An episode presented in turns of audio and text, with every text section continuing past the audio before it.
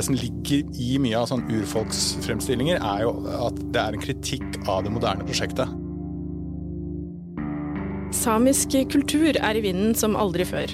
I fjor var det for første gang en samisk paviljong under den prestisjetunge kunstutstillingen Venezia Biennalen. Og nå i 2023 er det visst mer aktivitet på den samiske film- og TV-fronten enn det har vært de siste 35 årene til sammen. Velkommen til Morgenbladets filmpodkast. Jeg heter Viviana Vega, og med meg i dag har jeg Morgenbladets filmanmelder Ulrik Eriksen. Hei. Hei! Hei! Så entusiastisk. Vi har sett filmen som eh, åpna filmfestivalen i Tromsø i januar i år. Ellos Eatnu, La elva leve. Hva handler den om? Den handler om eh, en kvinne, eller en jente, eh, som heter Ester, som flytter tilbake fra studier. Hun har studert til å bli lærer, og så flytter hun tilbake til området rundt Alta, hvor hun er vokst opp, og skal begynne som lærer i Alta. Og dette er da i 1979.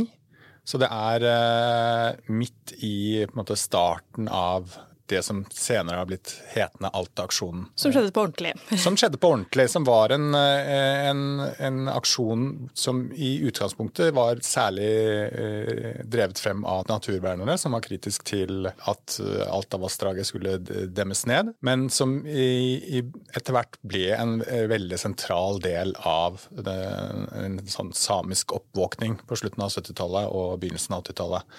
Og Ester tar rollen som måte, den som blir vekket opp som en ung same. Hun kom, har foreldre som er samer.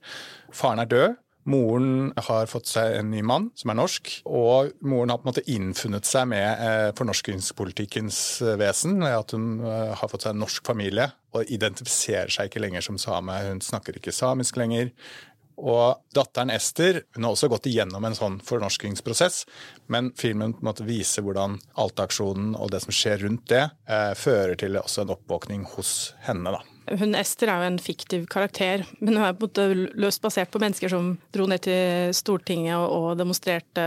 Ja, hun er på en måte en konglomerat av eh, litt flere skikkelser, og fungerer jo på en måte litt som en som på en måte tilfeldigvis er på alle disse stedene. Nesten, jeg, I min anmeldelse av filmen så kaller jeg det en liksom Forrest Gump-aktig figur, som på en måte tilfeldigvis er til stede alltid der eh, de store tingene skjer.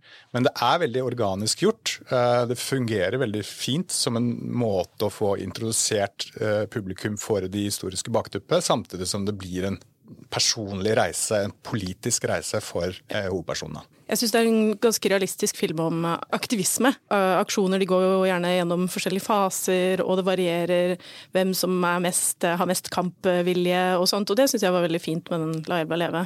Ja, og den klarer å gjøre eh, det personlige til det politiske. ikke sant? Og den klarer å gjøre hennes følelse av å ha den skammen eh, rundt det å være same, og gjøre det til et, en, en, motor og en bensin for henne i, i politisk øyemed. At hun går fra å prøve å passe inn i et norsk samfunn til å se at jo, men denne skammen kan jeg bruke til noe. Dette eh, oppdemmete raseriet kan jeg bruke til noe. Jeg kan få utløp for det i en politisk sammenheng, og dermed også eh, kanskje oppnå noe viktig. da. Eh, La elva leve er jo ganske aktuell fortsatt. Det er jo eh, det er ikke sånn at de er ferdig med å ha konflikter om grunnrettigheter i Finnmark f.eks. Eh, I disse dager er det en rettssak som pågår om grunnrettigheter i Karasjok.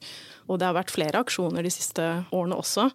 Når det gjelder Alta-aksjonen, så kan jeg si spoiler alert, det gikk ikke så veldig bra til slutt. I 1987 så sto Alta kraftverk uh, klart til drift. De demma opp vassdraget. Men 1987 var et eh, spesielt år av en annen grunn, for det var nemlig da Veiviseren kom ut. Og ikke bare er det verdens første samiske film noensinne, men det er også den andre filmen som har blitt Oscar-nominert fra Norge.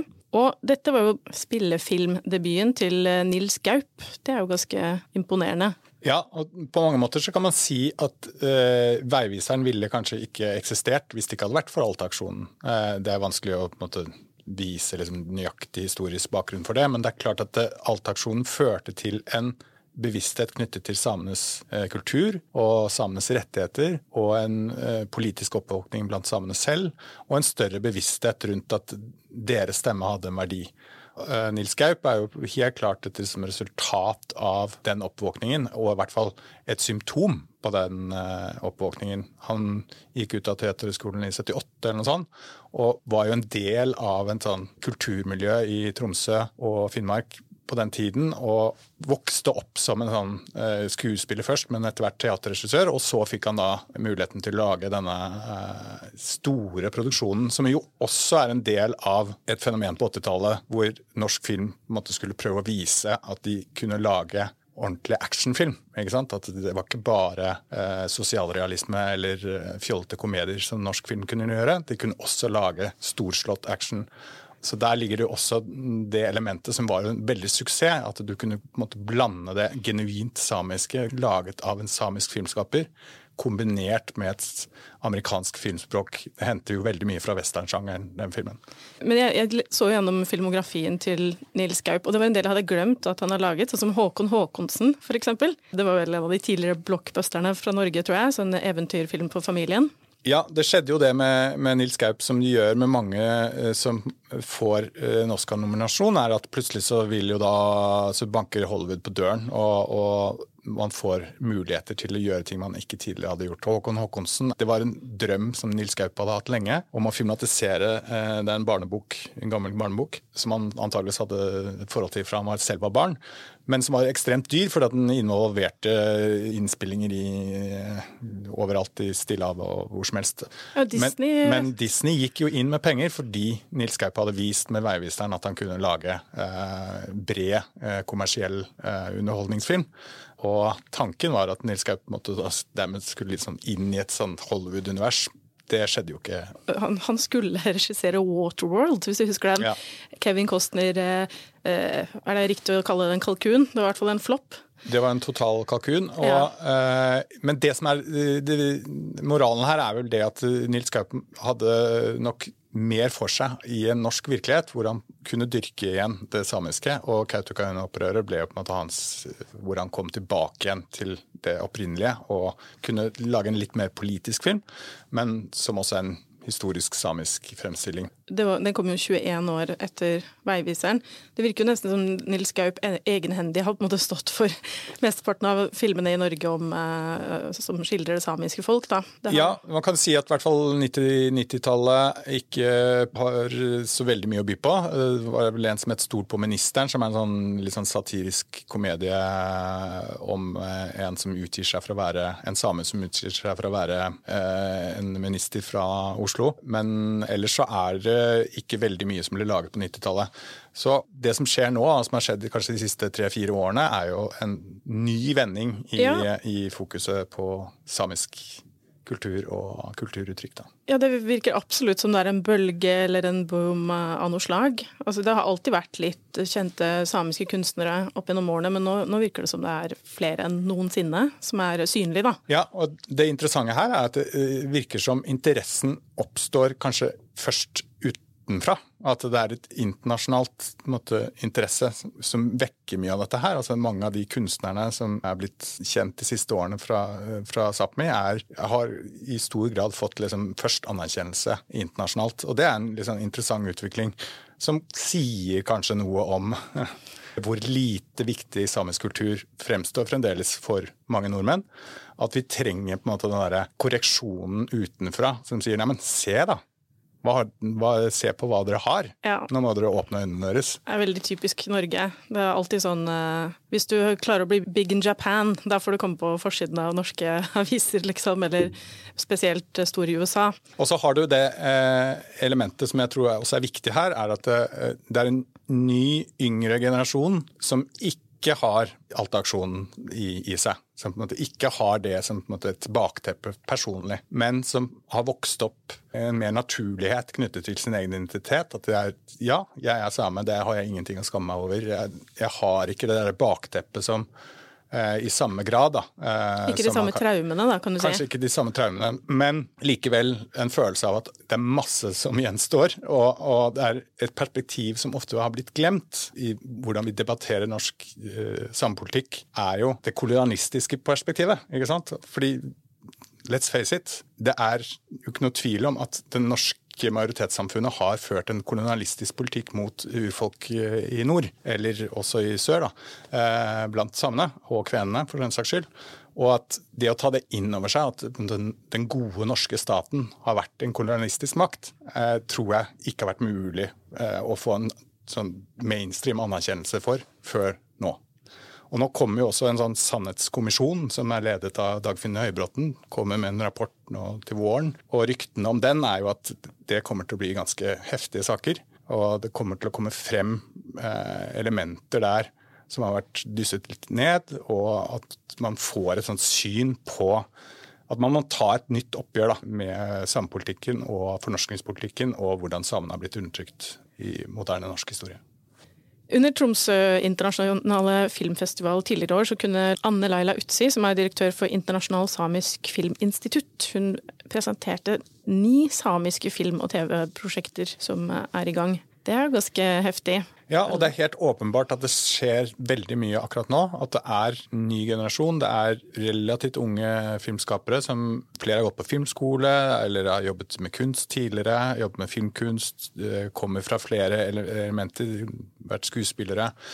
Og plutselig så møter de en samtid som lytter mer da, og er mer imøtekommende i forhold til deres prosjekter. Og det perspektivet de søker å beskrive, passer jo også kanskje bedre inn i vår tidsånd. ikke sant? Altså Det har noe med Det som ligger i mye av sånn urfolksfremstillinger, er jo at det er en kritikk av det moderne prosjektet. ikke sant? For det, det moderne prosjektet er jo ofte det som går i clinch med urfolk. ikke sant? De har sine tradisjoner å ta vare på, og det moderne prosjektet har ingen tradisjoner å ta vare på. Det skal bare jevne alt på jorden og få mest mulig produktivitet ut av det. Den konflikten treffer vår tidsånd veldig godt. Den traff ikke 80- og 90-tallets tidsånd så godt. Da var vi ikke så fokuserte på det. 70-tallet, absolutt.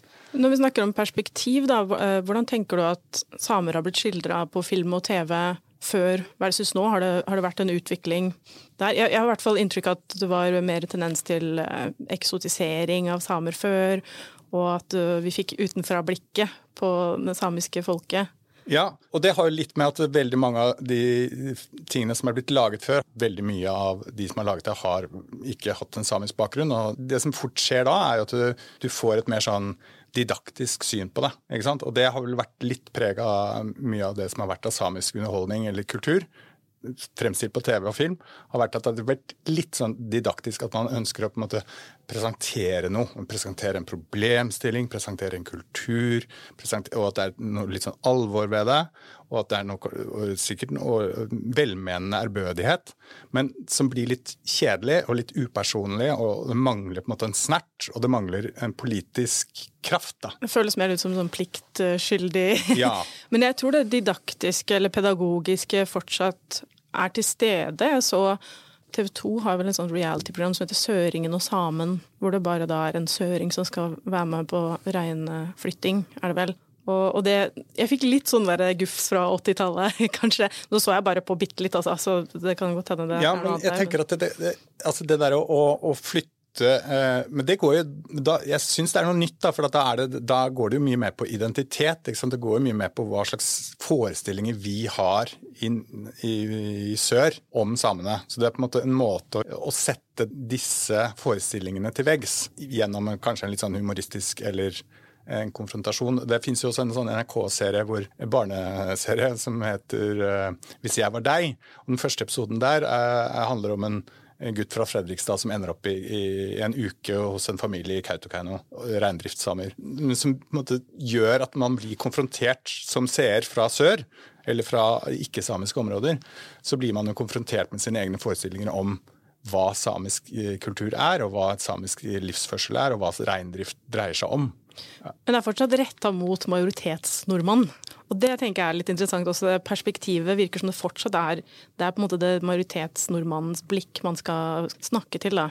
For disse prosjektene så er det det. Og, ja. Men eh, av de nye tingene som har blitt presentert, og det jeg har sett av de, hvordan de har blitt presentert, så virker det som det er ikke sånne prosjekter. Det er mye Nei. mer personlige og knyttet til egne erfaringer eller sitt eget perspektiv, uten at man forsøker å på en måte tilpasse det et det, det, tror jeg du har rett i. Jeg begynte å se på den eh, serien 'Vi lover et helvete', som i likhet med 'La elva leve' også handler om industri som truer eh, reindrift, og på en måte kulturell identitet knytta til det å være samisk. Og en detalj som slo meg, var at eh, det, det er jo veldig mye av dialogen foregår jo på samisk, men den var ikke teksta automatisk til norsk. Og det syns jeg var interessant. Jeg måtte liksom aktivt skru på teksten.